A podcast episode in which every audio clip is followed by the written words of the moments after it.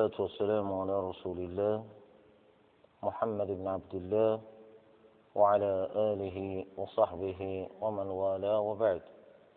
فالسلام عليكم ورحمة الله وبركاته. آه، بعد أن أنهى المصنف, مصنف الكلام فيما سبق بدأ الحديث عن الأبوال. وقال أبوال سائر الحيوانات تابعة للحومها في المذهب.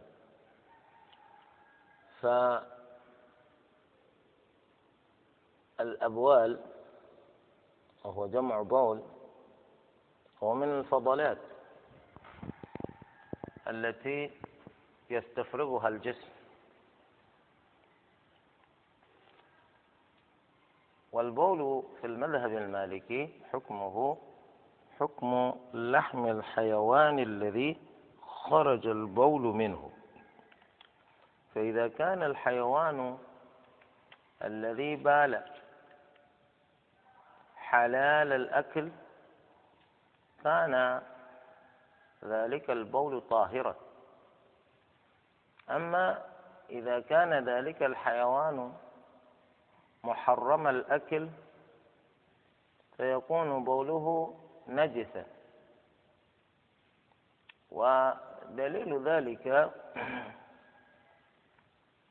من السنة ومن المعقول أن النبي صلى الله عليه وآله وسلم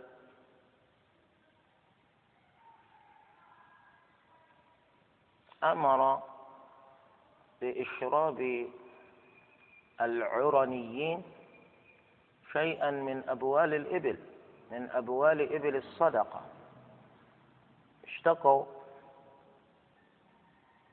من حمى فأمر النبي صلى الله عليه وسلم بأن يذهب بهم إلى مكان رعي الإبل وأن يشربوا من أبوال الإبل. فشفاهم الله عز وجل بذلك إلا أنهم كفروا بنعمة الله واعتدوا على الرعاة وقتلوهم ثمروا أعينهم بالمسامير قضوا عليهم وفروا هاربين وأمر النبي صلى الله عليه وآله وسلم بالبعث عنهم وبالقضاء عليهم كما قضوا على الرعاة. امتثالا لقول الله عز وجل وكتبنا عليهم فيها أن النفس للنفس. وقوله تعالى فمن اعتدى عليكم فاعتدوا عليه بمثل ما اعتدى عليكم. كذلك لو لم يكن بول الإبل طاهرا ما أذن النبي صلى الله عليه وسلم بأشرابهم من بوله. كذلك من جهة المعنى يقولون البول تابع للحم. فما تولد من طاهر كان طاهرا. وما يتولد من نجس يكون نجسا. هذا هو. فقالوا فبول الحيوان المحرم الأكل نجس. ومن ذلك الكلب. وإن كان لدى المالكية قول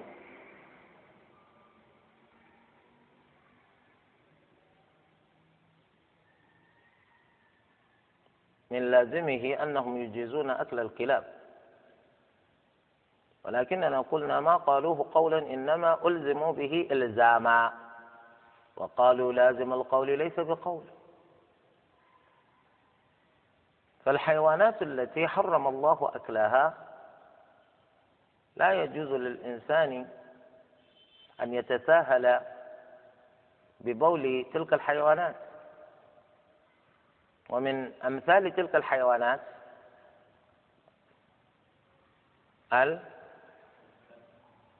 لا غير الكلب غير الخنزير. السباع عند المالكية محل خلاف. هم يقولون السباع هل تحرم أو تكره خلاف بينهم؟ حتى كل ذي مخلب كل ذي مخلب من الطير وكل ذي ناب من السباع. هذا ليس محل اتفاق بين الفقهاء. وإن كان الأخذ بذلك الحديث يتحتم لأنه حديث ثابت صحيح. والأخذ به هو الذي يتحتم. فنقول كالسنور. إذا بال السنور في مكان فإن بوله نجس. السنور الهر القط. هذا يحرم أكله بحديث النبي صلى الله عليه وآله وسلم. وكذلك السباع كالذئب والأسد والنمر والثعلب. هذه الحيوانات يحرم أكلها بدلالة السنة الصحيحة الصريحة. نهى النبي صلى الله عليه وسلم عن أكل كل ذي ناب من السباع وكل ذي مخلب من الطير.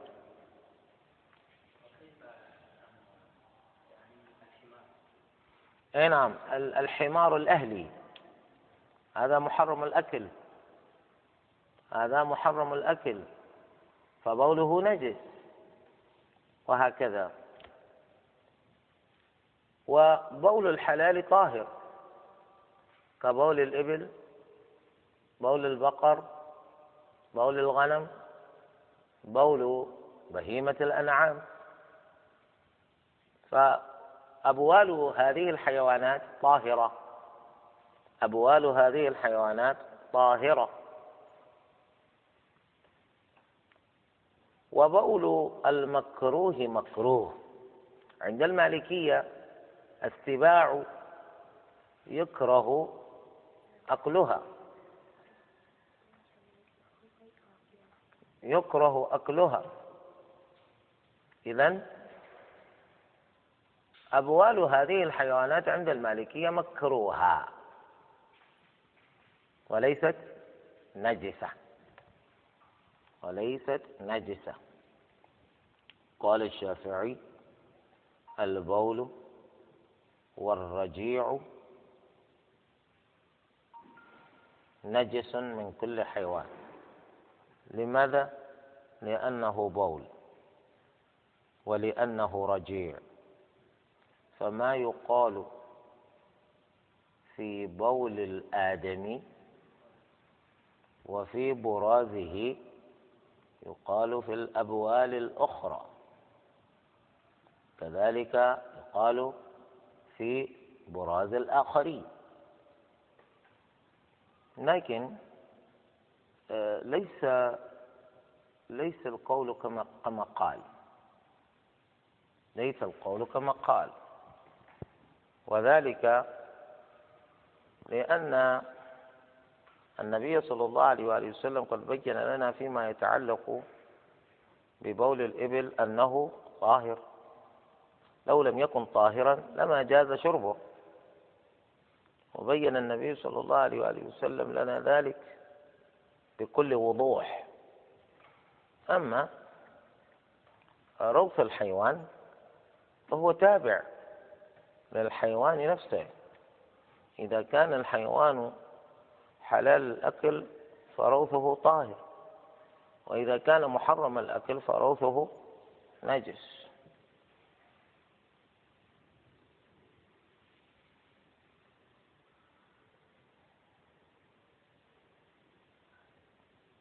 وأما الدماء فالدم الكثير من الحيوان البري نجس الحيوانات التي تعيش على الأرض.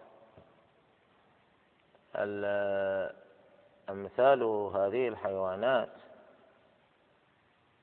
الدم إذا كان كثيرا وقد خرج من هذه الحيوانات فإن ذلك الدم يحكم عليه بأنه نجس إذا كان كثيرا والقليل منه معفو عنه. إذا كان ذلك الدم قليلا فهو معفو عنه. الكثير أخذ من قول الله عز وجل أو دما مسفوحا. أو دما مسفوحا. فيفهم من هذه الآية أن الدم إذا كان قليلا فإنه لا يكون حكمه مع حكم القليل سواء هذا هو.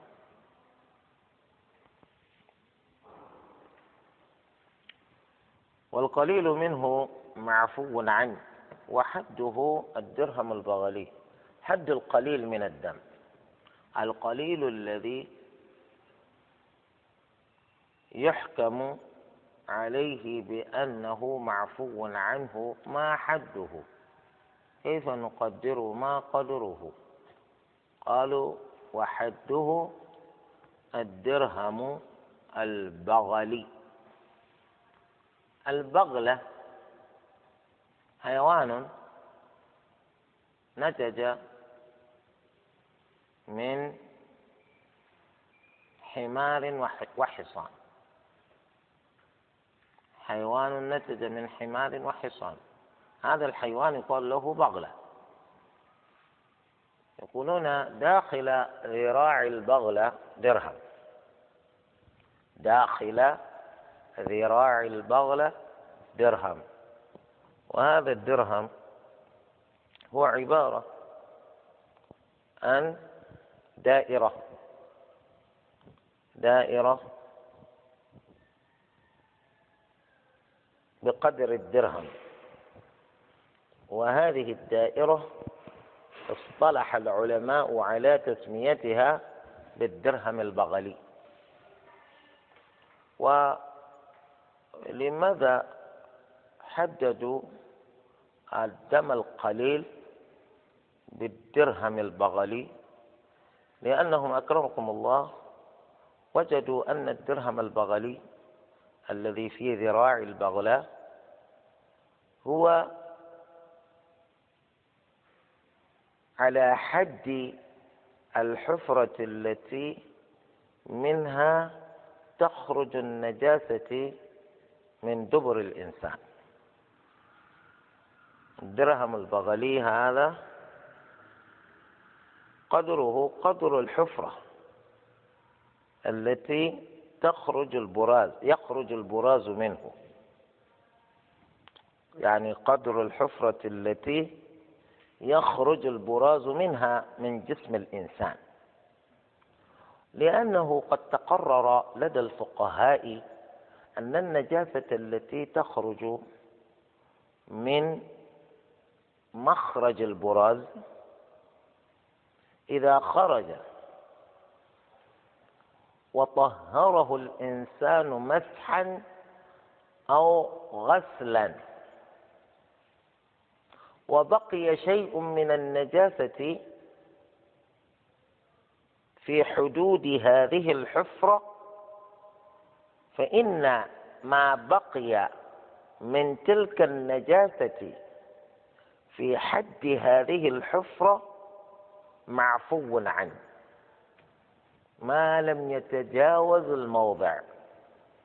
إذا تجاوز الموضع إلى الأماكن الممتدة حولها يمنة أو يسرى فهذا الذي امتد إلى هذه الأمكنة يكون نجسا يجب التطهر منه. أما الذي على محيط الحفرة بقي بعد الغسل أو بقي بعد المسح ولم يزل كله يقولون هذا معفو عنه. لأن التحرز من تجنب الموضع النجاسة مما يتعذر مما يصعب. فلذلك الشريعة عفت عما يبقى حول هذا المخرج. بعد الغسل أو بعد المسح أو بعدهما. فلذلك يحدد الفقهاء النجاسة القليلة بقدر الدرهم البغلي. ولماذا الدرهم البغلي؟ للمخرج الذي منه يخرج البراز. هذا هو. وقال ابن وهب من المالكية قليل دم الحيض وكثيره نجس. لا فرق الصواب ولذلك نسبوا هذا القول إلى ابن وهب وإلا في المذهب المالكي لا فرق بين دم الحيض وغيره من الدماء في التفريق بين القليل والكثير. إذا كان دم الحيض قليلا فهو كغيره من الدماء. يعفى عنه. بخلاف ما إذا كان كثيرا. فكما يحكم على الدم الكثير بأنه نجس كذلك يحكم على دم الحيض إذا كان كثيرا بأنه نجس. هذا هو الصواب. وفي نجاسة دم الحوت والذباب قولان. الحوت يعيش في البحر. لقد علمنا من قول النبي صلى الله عليه وآله وسلم هو الطهور ماؤه الحل ميتته بأن الحوت إذا أخذ من البحر حيا فإنه حلال أكله. كذلك إذا حمل من البحر ميتا فهو حلال أكله. هذا فيما يتعلق ببقاء الحياة فيه أو مفارقة الحياة لها له. أما ما يتعلق بدم الحوت الدم الذي في دم في جسم الحوت هل هو طاهر أو نجس؟ هل هو طاهر أو نجس؟ هل إذا حكمنا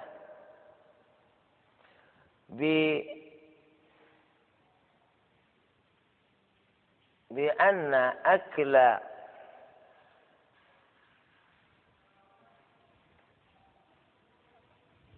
موتة البحر لأنه حلال.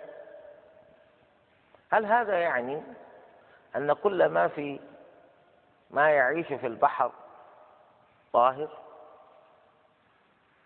هل نقول إن دمه طاهر؟ ونقول إن دمه نجس؟ أليس يفترض أن يكون القول في دم الحوت كالقول في غيره من الدماء؟ لاشتراكهما في كونهما دما. ولماذا نلجأ أو لجأنا إلى التفريق بين دم الحوت ودم غيره. أليس كلاهما دمين؟ هما دمان. ولماذا تفرقون بين دم ودم آخر؟ سبب التفريق يعود إلى حكم أكل الخو... أكل الحوت. إذا مات أو صيد حيا من البحر.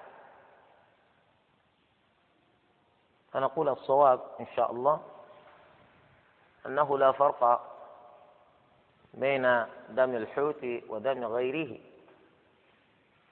فما يقال في قليل الدماء من سائر الحيوانات يقال في قليل الدم من الحوت. وما قيل في الدم الكثير في سائر الحيوانات يقال في الدم الكثير من الحوت. ويتجلى أو تتجلى فائدة هذا القول في أن الإنسان إذا صاد حوتا من البحر فبينما أخذ في قطع ذلك الحوت إذا بدماء كثيرة تتصبب من جسم ذلك الحوت لتصيب جسم هذا الإنسان الذي صادق. هل نقول له يجوز لك أن تصلي بهذا الملبس لأن الدم الذي أصابه دم حوت؟ بخلاف ما إذا كان ذلك الدم دم خروف. ما الفرق بين الدم والدم الآخر؟ ما في. لذلك الصواب إن شاء الله أن القول في دم الحوت كالقول في الدماء الأخرى.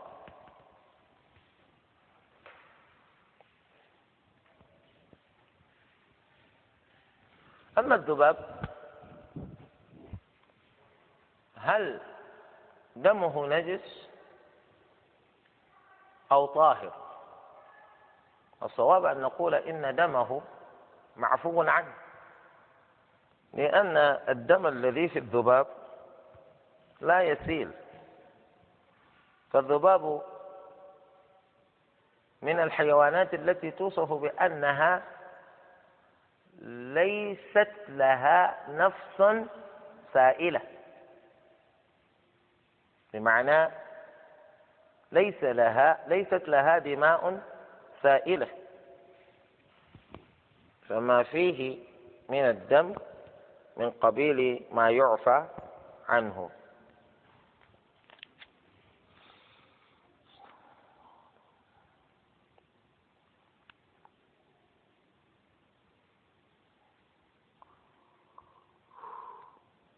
والمسك طاهر إجماعا.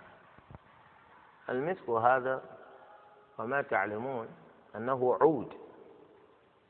عود. تفوح منه روائح روائح طيبة. روائح طيبة. ويقولون المسك هذا فضلات حوت. يعني الأسماك الكبيرة في البحر هي التي تستخرج المسك كفضلات كبراز. الإنسان يحتاج إلى هذه الفضلات. والمسك سيد العود كله. وقالوا هو طاهر طاهر. والمسك طاهر لأنه تولد من طاهر. النبي صلى الله عليه وسلم يقول هو الطهور ماؤه الحل ميتته. إذا تولد من طاهر وما تولد من طاهر يكون طاهرا.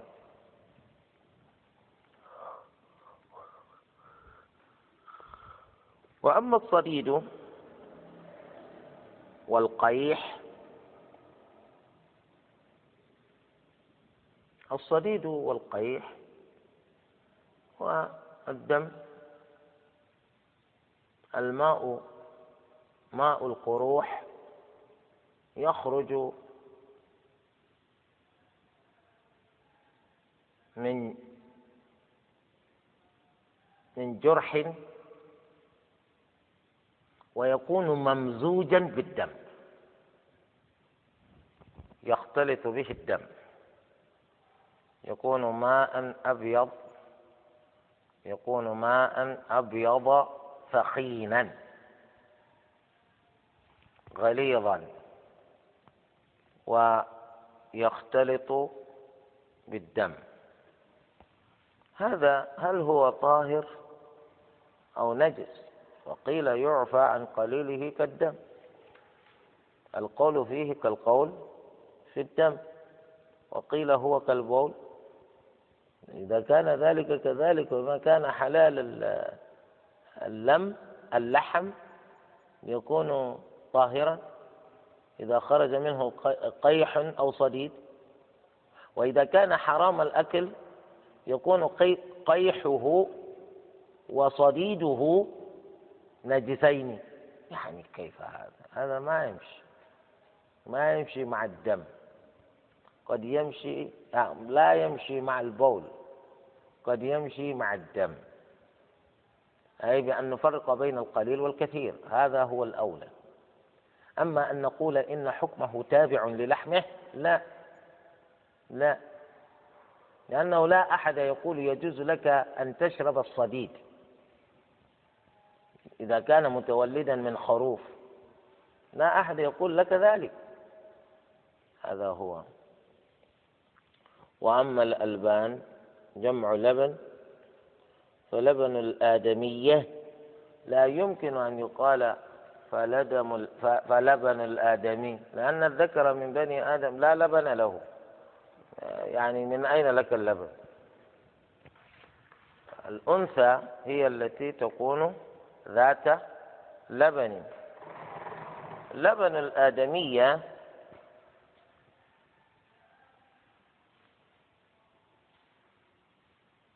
وما يؤكل لحمه طاهر كالبقر والإبل والغنم وهلم جرة. كل حيوان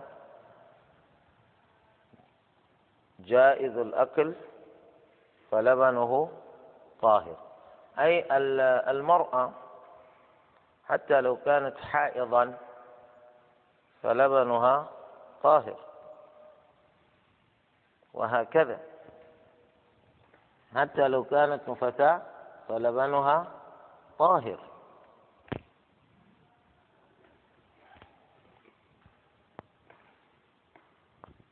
أما لبن الخنزير فنجس. لبن الخنزير فنجس. لماذا؟ لأن اللبن هنا تابع للحم. فحكمه حكمه. أي فحكم اللبن حكم اللحم. فلما كان لحم الخنزير نجسا وأكله حراما كان لبنه نجسا.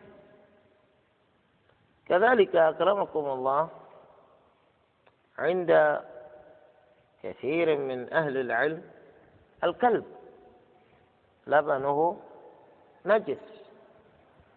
لبنه نجس. لأنه محرم الأكل. فحكم لبنه حكم لحمه. فلما كان لحمه حراما كان لبنه نجسا. أما الخنزير فاتفقوا على هذا الحكم فيه إجماعا. يعني لأن هذا لا يحتاج إلى الخلاف. يعني أرأيت لو أنك حلبت لبن الخنزير ماذا عساك أن تفعل به؟ ترضع به ولدك أو تطعمه نفسك. أعوذ بالله. واحد يقول ربنا عز وجل يقول أو لحم خنزير. إنما حرم ربنا اللحم وما حرم سبحانه اللبن.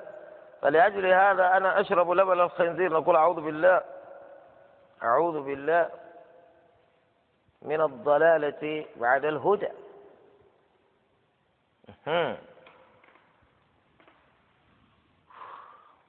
وفي لبن غيره من المحرمات الأكل قولان أي نعم. آه، الكلب مثلا. هل لبنه طاهر؟ أو ليس بطاهر قولان. من يقول طاهر من يقول غير طاهر. كذلك في الحمار. الأهلي ما حكم لبن قولان؟ ما يحتاج إلى قولان إلى قولين لأنهم إذا قالوا بأن هذا الشيء لا يجوز فعله فما يتولد عنه لا يكون جائزا تناوله. الآن اللبن تولد من الحمار الأهلي وقد حرم الله عز وجل أكله. أن يكون لأحد العذر في أن يقول إنما أشرب لبنها ولا أكل لحمها. يقول كيف هذا؟ كيف هذا؟ وليس باستطاعة أحد أن يقول القول في لبن الخنزير كالقول في شعره. لأن الفقهاء يختلفون في شعر الخنزير. هل يجوز لأحد أن يستفيد منه أو لا يجوز لأحد ذلك؟ وقد حرم الله الخنزير.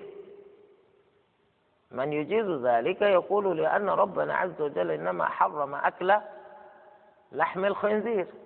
وهذا غاية ما فعله أنه أخذ شعر الخنزير. وما رأينا آية ولا حديثا جاء فيه تحريم شعر الخنزير. يقول هكذا لبن الخنزير يا جماعة. آه فنحن نقول إذا كان ذلك كذلك فيكون هكذا كبد الخنزير. يكون تكون قلية قلية الخنزير كذلك أيضا. رئة الخنزير كذلك أيضا. لأن كل هذا له لحم. لكن يقول يا أخي ماذا تسميه؟ هذا كبد.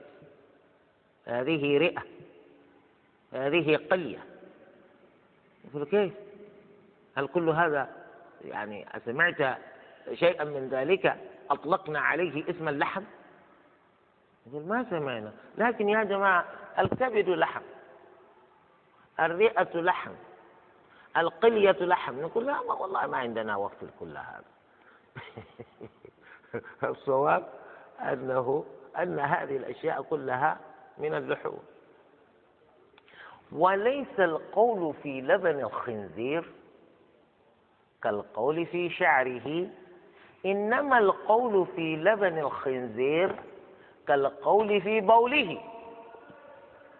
لأنه هذا مما يفرزه الجسم وله في الجسم محل.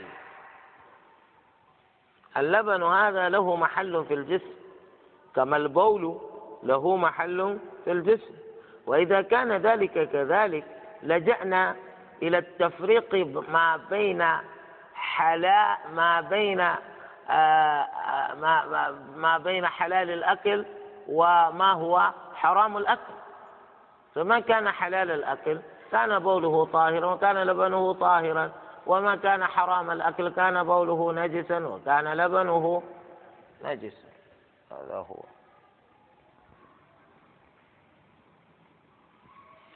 آه، لو أنك الآن أصبت بمرض وقيل لك إنك بحاجة إلى لبن الأسد.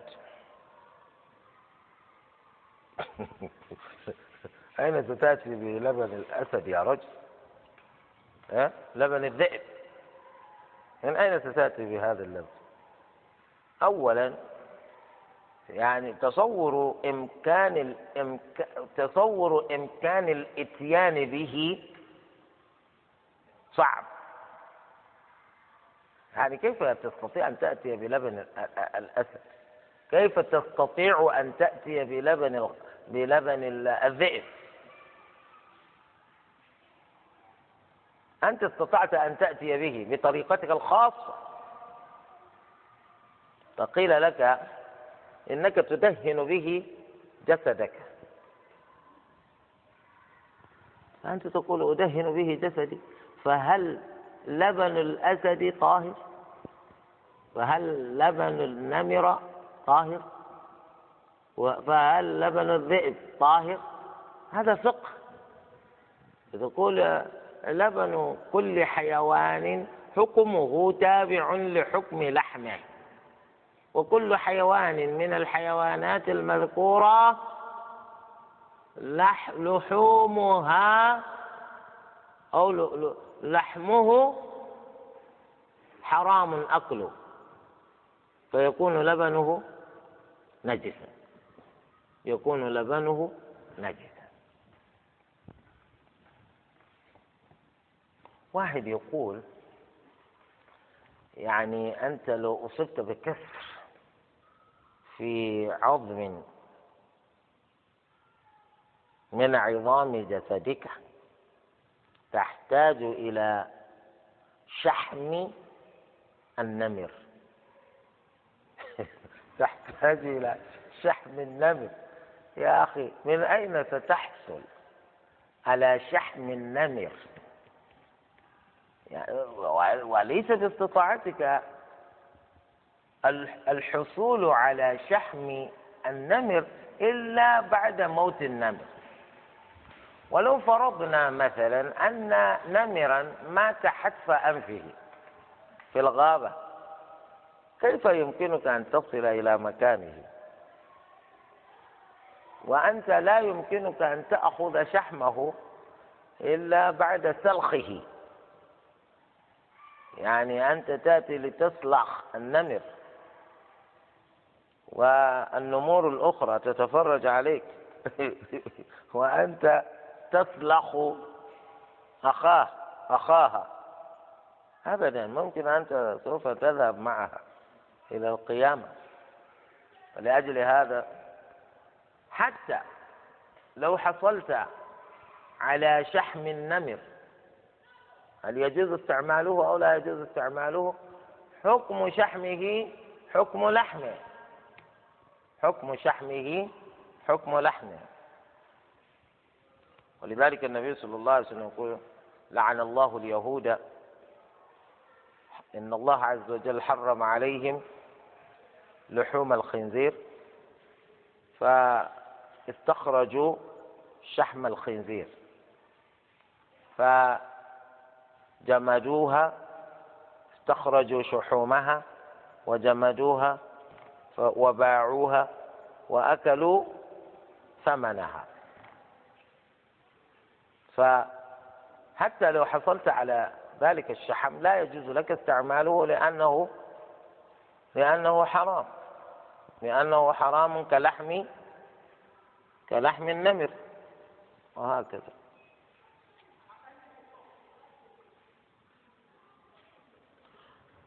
وفي لبن ما يستعمل النجاسة قولان. طبعا حالة كونه جلالة. لكنه إذا حبس عن تناول النجاسات وأخذت تعلفه بعلف طاهر لفترة من الوقت حتى تيقنا بأن ما فيه من النجاسة أو تولد عن النجاسة فيه قد زال. فهو في ذلك الوقت يخرج من وصفه بالجلالة إلى وصفه بطاهر. إذا كان ذلك كذلك فنقول حكم لحمه حكم لبنه حكم لحمه حالة كونه جلالة.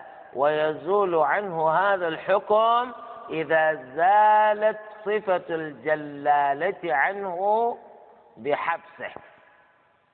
وتعليفه بعلف طاهر فترة من الزمان. هذا هو.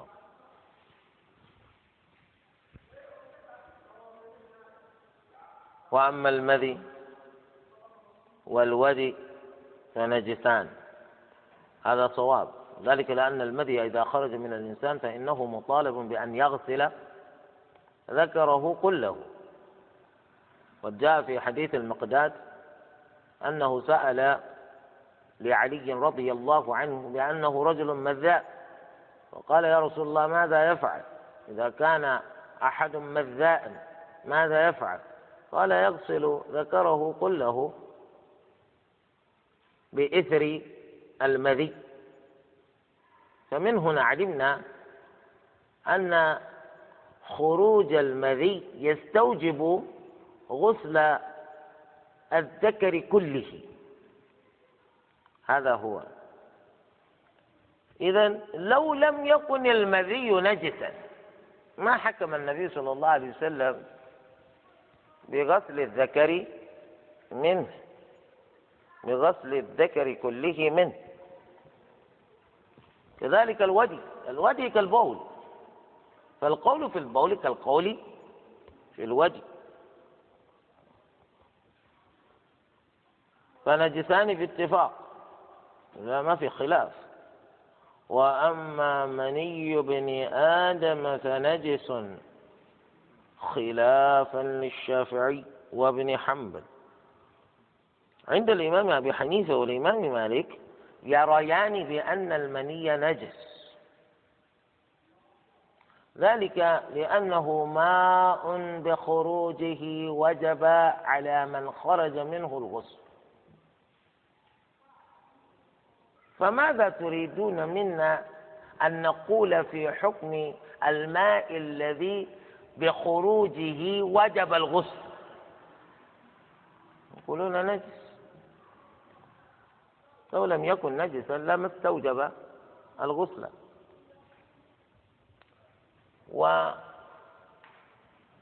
لأن النبي صلى الله عليه وسلم يقول إنما الماء من الماء. إن خرج الماء فوجب أن يصب الماء على جسده كله. كذلك النبي صلى الله عليه وسلم يقول إذا التقى الختانان فقد وجب الغسل يا جماعة. إذا إذا التقى الختانان وخرج المني وجب الغسل. لأن التق... لأن التقاء الختانين إما أن يكون معه الإنزال أو لا يكون معه الإنزال أيا كان. فالغسل بذلك واجب.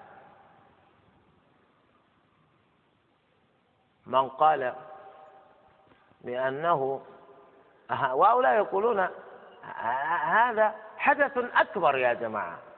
ليس حدثا أصغر أكبر. لأن الأكبر هذا هو الذي يجب الغسل. فهذا أكبر حدثا من البول والمذي والودي لأن البول والودي والمذي إنما يوجب غسل الموضع الذي خرجت منه النجاسة. أما المني أكبر وهو يستوجب غسل جميع الجسد بخروجه. الشافعي وابن حنبل يريان بأن المنية طاهر لماذا؟ لأن أم المؤمنين عائشة رضي الله عنها تقول كنت أفرق أفرق أي أحك أحك بظفري أحك المني من ثوب النبي صلى الله عليه وسلم إذا كان يابسا. إذا كان جافا. وأغسله بالماء إذا كان رطبا. ولو كان المني نجاسة كما تدعون لما اكتفت عائشة بفركه حالة يبوسته. أكرمكم الله كالغائط. إذا وجد الإنسان غائطا يبسا بثوبه أيكفي أن يحكه حكا أن يفركه فرقا؟ ما يكفي لأن الفرك والحك لا يزيلان نجاسة الغائط. إنما تحتاج إلى غسله غسلا جيدا ثم تأتي بالماء لتغسله به غسلا جيدا ثم آه، تستخرج الماء منه حتى يعود ذلك الثوب إلى سابق طهارته. فقالوا هذا دليل جلي على أن المني طاهر. قال الفقهاء لا. عائشة كانت تفعل هذا بدون علم النبي صلى الله عليه وسلم. إذا أنتم تقصدون بأن النبي صلى الله عليه وسلم كان يصلي بثوب فيه نجاسة؟ نحن نقول لأن عائشة أن لا يلزم أن تكون قد أخبرت النبي صلى الله عليه وسلم بما كانت تفعل ولا سيما وهي لم تخبر عن فعل النبي صلى الله عليه وسلم إنما تخبر عن فعلها هي. وما أدراك ربما لم يطلع النبي صلى الله عليه وسلم على ذلك. نقول الأصل أن هذا الحديث له حكم الرفع له حكم الرفع. وهذا الذي درج عليه العلماء في علم المصطلح. إذا قال الصحابي قولا من المستبعد أن يخفى محتواه على النبي صلى الله عليه وسلم في حياته فيكون هذا الخبر ذو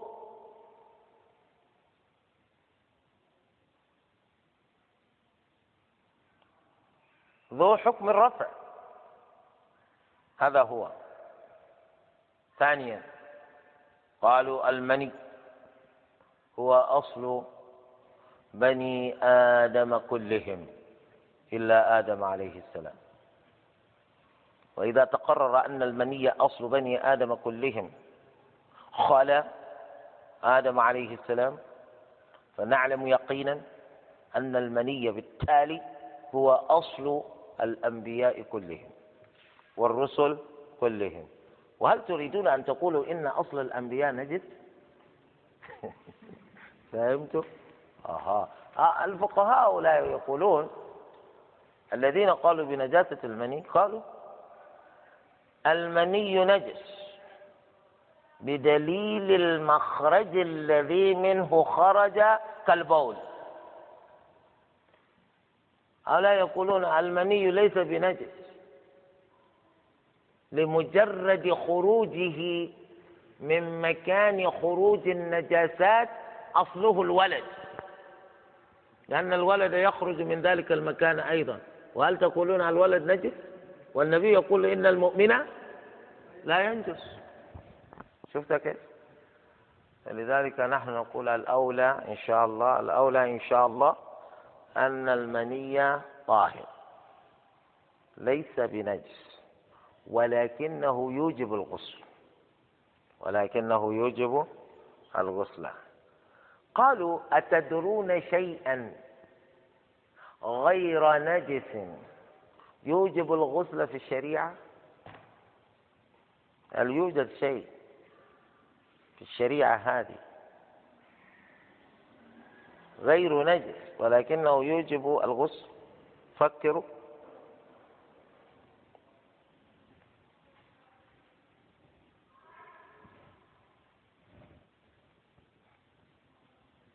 نقول كالجنابة. الجنابة بالتقاء الختانين دون خروج مني. فالجنابة نجس. لا يقول أحد ذلك. إذا التقى الختانان من غير إنزال يجب الغسل. وهذا الجماع الذي حصل بالتقاء الختانين دون إنزال لأن الإنزال محل خلاف. واتفقنا جميعا على أن الرجل إذا التقى ختانه بختان المرأة وجب الغسل حتى وإن لم ينزل. هذا الالتقاء نجس لا يقول بذلك أحد والحمد لله. إذا نقول كونه يوجب الغسل لا يدل على نجاسته كالجنابة بلا إنزال. فهمتم؟ هذا هو. نحن نكتفي بهذا القدر. فنعلم من هذا أن الأبوال لها أحكام في الشريعة الإسلامية. بل إن كثيرا من الباحثين يقدمون بحوثهم العلمية للحصول على الدرجات العالية أو العالمية العالية في باب الأبوال. يعني الأبوال وما يعتريها من الأحكام الشرعية. فنقول له فقيه الأبوال لأنه فقه كل ما يتعلق بالأبوال فيفرق بين بول وبول آخر بكل دقة. كذلك علمنا من درسنا لهذا اليوم ما يتعلق بحكم الدماء. وأن الفقهاء درجوا إلى القول بأن الدم القليل معفو عنه. وحددوا الدم القليل بالدرهم البغلي. ولماذا الدرهم البغلي؟ قياسا على مخرج الغائط في جسد الإنسان. ولماذا مخرج الغائط؟ لأنهم اتفقوا كذلك على أن النجاسة إذا لم تتعدى مخرج الغائط فهي معفو عنها. كذلك علمنا من هذا الدرس أن آه الألبان أيضا اختلفوا فيها وقلنا الصواب في ذلك أن تكون الألبان في أحكامها تابعة للحوم الحيوانات التي خرجت الألبان منها. هذا وصلى الله وسلم وبارك على سيدنا محمد وعلى آله وصحبه أجمعين. وعليكم السلام. إيه نعم